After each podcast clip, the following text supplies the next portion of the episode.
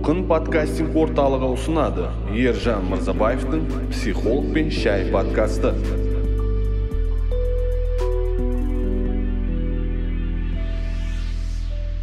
Қош келдіңіздер. Бұл психолог пен шай подкасты бүгін толқын подкастинг орталығының студиясында отырған ержан мырзабаев осы подкасттың авторы. Қайырлы күн достар. Менің есімім ержан мырзабаев. Мен кәсіби отбасылық психологпын. Осы подкасттар арқылы біз ә, сіздермен отбасылық қарым қатынас бала тәрбиесі бойынша сұрақтарға жауап беретін боламыз. Бізді тыңдап бізді қолдап бізбен бірге болғандарыңыз үшін бізді тыңдау арқылы өзіңізді дамытып жүрген үшін сіздерге мың алғыс. Бір эпизод бір сұрақ бір жауап. Осындай оп оңай формат. Сонымен осы эпизодтың сұрағына көшейік. Ә, жігіт жазып жатыр. Мхм. Анамның разылығынсыз үйлендім. Мхм. Ене мен келін қатынасы қалай болар екен? Так менде сразу бірінші сұрақ. Ол- олар бірге тұрып жатыр ма? Жоқ бөлек тұрып жатыр. Бірге тұрып жатыр бірге тұрып жатыр. мхм. ондай не емес скорее всего бірге тұрып жатыр. Мхм. Біріншіден әрбір жігіт болсын қыз болсын отбасы құрып үйленген кезде ата анасының разылығын алу өте маңызды. Өйткені біз ә, үйленіп отбасы құрған кезде тек қана әйелімізбен ғана тұрамыз ешкіммен араласпаймыз ешкіммен қарым қатынас құрмаймыз деген нәрсе жоқ. Және біздің әйелімізбен бірге болған сүйіспеншілігіміз махаббатымыз ә, бүкіл туысқандармен қарым қатынастың орнын толтырады деген ой да өте қате.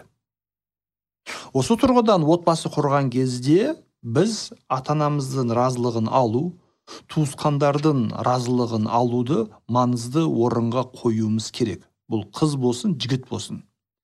Ә, мынаны ескеріңіздер.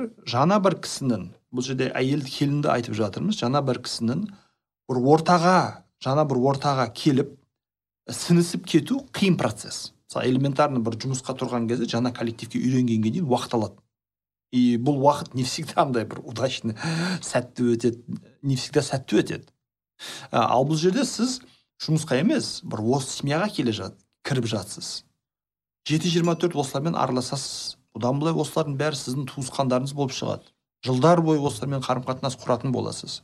И осыншалықты ауқымды осыншалықты маңызды осыншалықты болып кезде ә, критикалық мәселеде қарсы алатын күтіп алатын тараптың разылығын алмау немесе оларға қарсы бәрібір үйленем тұрам деп шығу бұл мәселені өте қатты ушықтандырады. Мәселені өте қатты қиындатады.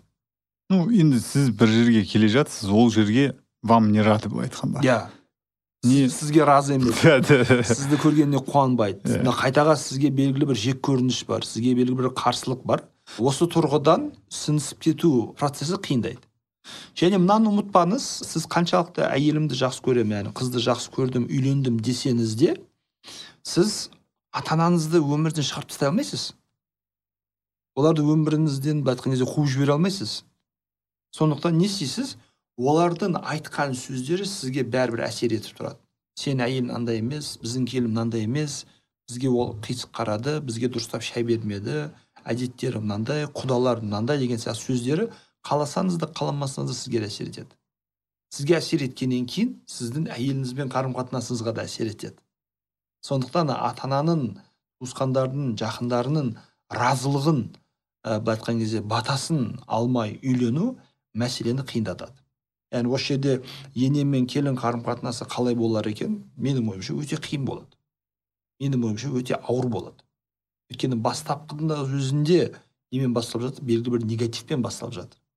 Және сіздің әйеліңіз келін ретінде қолынан келген барлығын жасаса келін ретінде максималды түрде жағуға тырысса да егер оған деген көзқарас негативті болатын болса онда оның істеген ә, әрекеттеріне қылықтарына ә, адамдардың былай айтқан кезде ешқашан көңілі толмайды.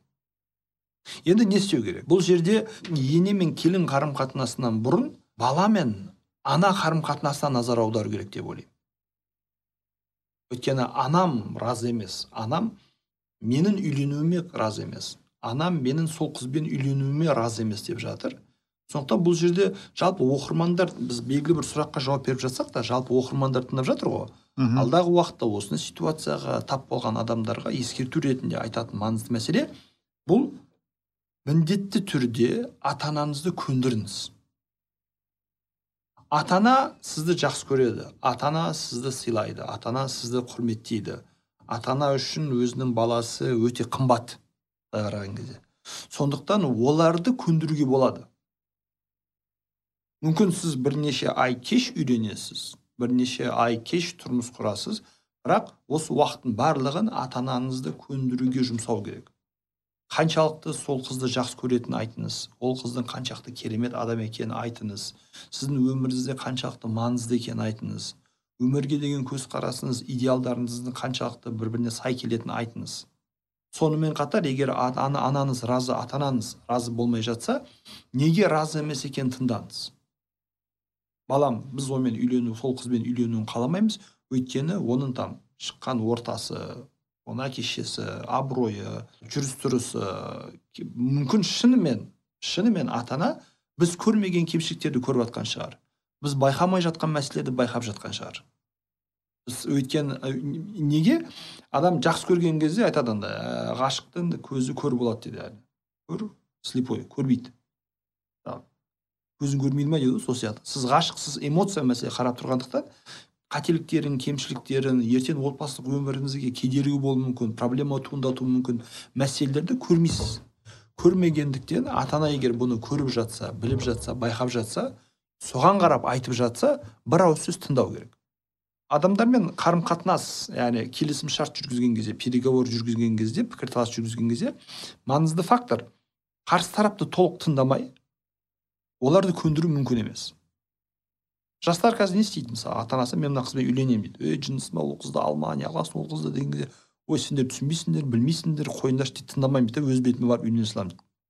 Бұны көбінесе түрлі шетелдік фильмдерден көріп алады. Біз екеуміз үйленіп екеуміз бақытты бола аламыз. Жоқ біздің менталитетіміз басқаша. Біз бір қызды алған кезде оның отбасын да аламыз. Біз бір жігітпен тұрмыс құрған кезде оның туысқандарына да тұрмысқа шығамыз. Қаласақ та қаламасақ та. Сол үшін айтады ғой мысалға жігіттің неше жұрты бар дейді. Үш жұрты бар дейді өз жұрты нағашы жұрты қайын жұрты. Яғни былай айтқан кезде үш семьяң бар сенің үш средаң бар үш ортаң бар. Олар ә, белсенді түрде немесе пассивті түрде сенің өміріне қаласаң да қаламасаң да әсер етеді. Сондықтан ата аналарды ә, елемеу ескермеу дұрыс емес тыңдау керек. Неге қарсысыз? Айтқан нәрсені жазып алу керек. Ол сізге ауыр келуі мүмкін эмоционалды түрде. Сені жақсы көретін адамды біреу жамандап жатса қарсы шығып жатса әрине бір реакция болады іштей. Бірақ менің ойымша ол реакцияны олай бірден көрсетпеу керек. Ата ананың айтқан бүкіл фактілерін аргументтерін тыңдап бір параққа оларды жазып ескертіп қойып сөйлесу керек. Одан кейін ата ананың әрбір берген фактілеріне қарсы өзіңіздің жауабыңыз бар ма? Мен мына мәселе а мынаған мынандай жауап бере аламын мынаған мынандай жауап беремін бірақ мынаны ескермеппін шынымен мынаған ертең мен қалай өмір сүремін? Мына мәселе маңызды ғой деген сияқты. Мхм. Сөйтіп ата анаңызға айтасыз. Мен сіздің ескертулеріңізді замечанияларыңызды ә, ойластырдым қарастырдым. Сіздің мына қорқуыңызға мынандай жауап мына мәселеңізге мынандай жауап мына мәселеге мынандай жауап. Енді енді разылықтарыңызды бересіз ба енді келісімдеріңізді бересіз ба біріншіден бұл осылай ақыл оймен нақты неге қарсысыздар осындай осы нәрсеге. Оны шешуге болады ма? Болмайды ма? Одан кейін эмоционалды көндіру бар. Яғни сіздің бір нәрсені қатты қалап тұрғаныңызды көрген ата ана сіздің мысалға там көңіл күйіңіз түсіп жүрсе мазаңыз болмай жүрсе тамақ жемей жүрсеңіз түнде ұйықтай алмай жүрсеңіз соны уайымдап жүрсеңіз ата анаңыз ертелі кеш пе? Ей жарайды қойшы мақұл үйленсін. Ақыры қалап жатыр екен ақыры ұнатып жатыр екен ақыры онсыз өмір сүре алмайды екен. Жарайды деп өзінің келісімін береді. Осы әдісті арнайы қолдануға бола ма? Мысалы ата ана қарсы сенің үйленуіңе. Ал сен көндіру ә, сол кісілерді көндіру үшін жаңағыдай әдейі көңіл күйін түсіріп тамақ ішпей араласпай бір өкпелегендей болып жасап ана кісілерді көндіру үшін. Бұл бірінші этап болмау керек. А мхм. Бізде этаптар бар. Иә. біріншісі бағана ақыл ой мәселесі. Мхм қарсысыздар жақсы иә сіз адам ретінде қарсы болуыңыз мүмкін. Сіз менің ата анамсыз сіз маған жамандық тілемейсіз мен сізге сенем сіз мені тәрбиеледіңіз. Окей жақсы неге қарсысыздар? Давайте сөйлесейік. Давайте тыңдайық. Айтты ғой по пунктам бәрін жазып аласыз. И соған қарап шынымен сіздің ойламаған ескермеген мәселелеріңіз бар болса онда ол жерде ата ананың несін айтқан аргументтерін фактілерін ескересіз. Мм. Яғни, жалпы отбасы психологиясында отбасыды құрған кезде ақыл бір қадам алда жүру керек. Эмоция емес. Эмоция емес. Эмоция сезім бір қадам артта жүреді. Ақыл ой бір қадам алда жүреді. Солай бол, солай болған кезде сіз ұзақ мерзімді тұрақты күшті отбасы құра аласыз. Ал егер тек қана эмоциямен үйленетін болсаңыз онда болмайды. Сіздің айтқан нәрсеңіз бұл манипуляция. Ата анамен сөйлеспе ақылдаспа ойларына пікірлеріне мән берме бар болған фактілерге қарама болды мен ренжідім өкпеледім үйттім бүйттім деп манипулировать етіп әйтеуір бір келісімден разылығын алып ал былай айтқанда бүйтіп айтады ғой андай сообщение мынандай ғой я страдаю из-за вас. Вот если бы не вы мен қазір бақытты болып күліп жүрер едім деп. Иә. Сондай давление бір. Ол да ол ол давление. Ә, ондай кезде он- ондай нәрсе яғни кейбір кезде жұмыс істейді кейбір кезде пайдасын тигізеді яғни адамдар әсерленіп иә жарайды мақұл деуі мүмкін бірақ ертең қиналатын сізсіз өйткені шын жүректен қабылдау болмаған шын жүректен қабылдау болмаған бір екіншісі сіз бастапқы андай олардың былай айтқан кезде қорқуларын олардың ескертулерін елемедіңіз Мм, мхм. айтып жатқан нәрселер шынымен мән маңызды нәрселер болуы мүмкін біз тек қана өзіміз үшін үйленбейміз ғой. Осыны ә, ескеру керек. Сол, сол, сол тұрғыдан ата ананы көндіру маңызды. Туысқандарды көндіру қабылдатқызу маңызды. Сол үшін мен бойдақтарға айтамын андай ә, жар таңдамастан үйленбестен бұрын әке шешеңізге өзіңізді қабылдата алыңыз. Яғни біздің баламыз 20-25 жасында ересек кісі үлкен жігіт жауапкершілік ала алады өз өзіне жауап бере алады. Белгілі бір тұрақты жұмысы бар жетістіктері бар. Біз баламызға толық сенеміз. Солай болған кезде сіздің таңдауыңызды олар құрметтейтін болады. Мына мәселені ә, да ескеріп айту керек. Мам мен мына қызды таңдадым. Егер сіздің ойыңызша яғни ақыл ой пікір талас жасадық эмоционалды тұрғыда сөйлестік ешқандай көнбей жатса айналып келген кезде ең соңғы былай кезде козыр дейміз ба фактор дейміз ба? Иә мен ол қызды таңдадым. Егер ол қыз жаман болатын болса значит оны таңдаған мен жаман. Егер мен жаман болсам значит мені тәрбиелеген сіздер жамансыздар. Өйткені айналып келген кезде мен сіздің тәрбиеңіздің жемісімін. Демек сіз мені солай тәрбиеледіңіз что маған осындай қыздар ұнайды. Осындай қызға ғашық болдым. Осындай қызбен отбасы құрғым келеді. Бұл жерде ата анаңыз сол кезде не істейді? Сол жауапкершілікті алатын болады. А иә біз сені былай тәрбиеледік. Сол үшін сен мынандай қыздарды жақсы көріп қалдың. Поэтому яғни или біз жаманбыз қате тәрбиеледік. Сол үшін сен жамансың дұрыс тәрбиелей алмадың.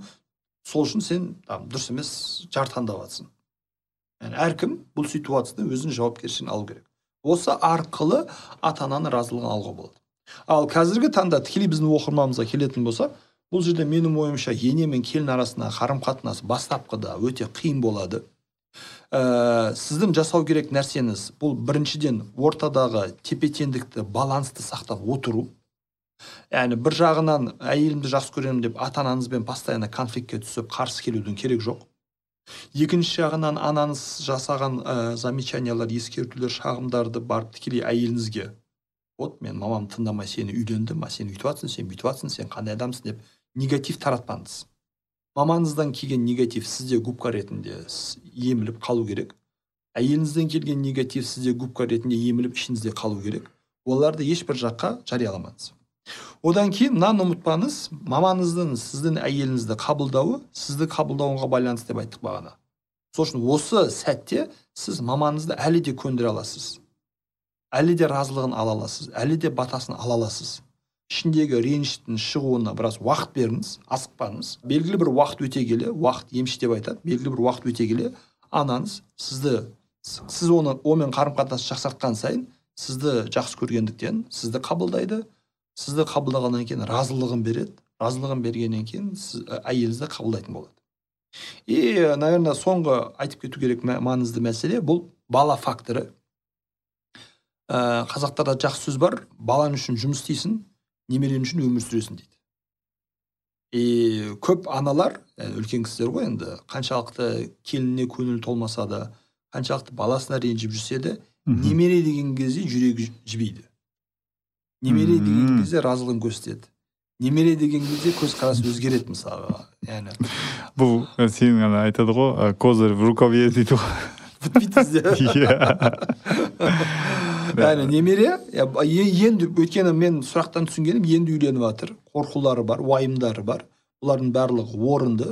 Плюс алдағы уақытта яғни бір жыл екі жыл үш жылдың ішінде балалы болған кезде немере сүйдірген кезде немере көрсеткен кезде ата анаңыздың яғни көзқарасы өзгереді деп ойлаймын. И ата анаңыздың разы болмауын ә, өзіңізге бір қосымша стресс депрессия ретінде ә, қабылдап ә, әйеліңізбен қарым қатынасын үзбеңіз. Яғни сіз екеуін екі жаққа қойып екеуіңізбен екеуімен екі түрлі қарым қатынас құрып әлі де бақытты бола аласыз. Сол маңызды деп айтар едім. Соңғы сөз бір ауыз сөз айтайын. Біз адамдарды өмір сүріп үйретпейміз ғой. Біріншіден біз ешкімге айтқан нәрселерімізді істеуге мәжбүрлемейміз. Ә, ешкімге қалай ешкім міндетті емес. ешкімге қалай өмір сүру керек екенін үйретпейміз. Біз тек қана осыған байланысты өзіміздің білімімізбен тәжірибемізбен бөлісеміз. Әр тыңдарман өзіне керектігін және керекті дәрежеде деңгейде алады деген ойдамыз. Сіздер тыңдап өткен психолог пен шай подкасты толқын подкастинг орталығының студиясында отырған ержан мырзабаев отбасылық психолог және осы подкастты жүргізіп жасауға көмектесіп жүрген. Ержанның жанында тек қана көмекшісі ә, илдар құдайбергенов. Ә, тыңдағандарыңызға көп көп рахмет. Осы подкастпен достарыңызбен таныстарыңызбен жанұяларыңызбен бөлісуді ұмытпаңыздар. Барлықтарыңызға сәттілік көріскенше аман болыңыз толқын подкастинг орталығы.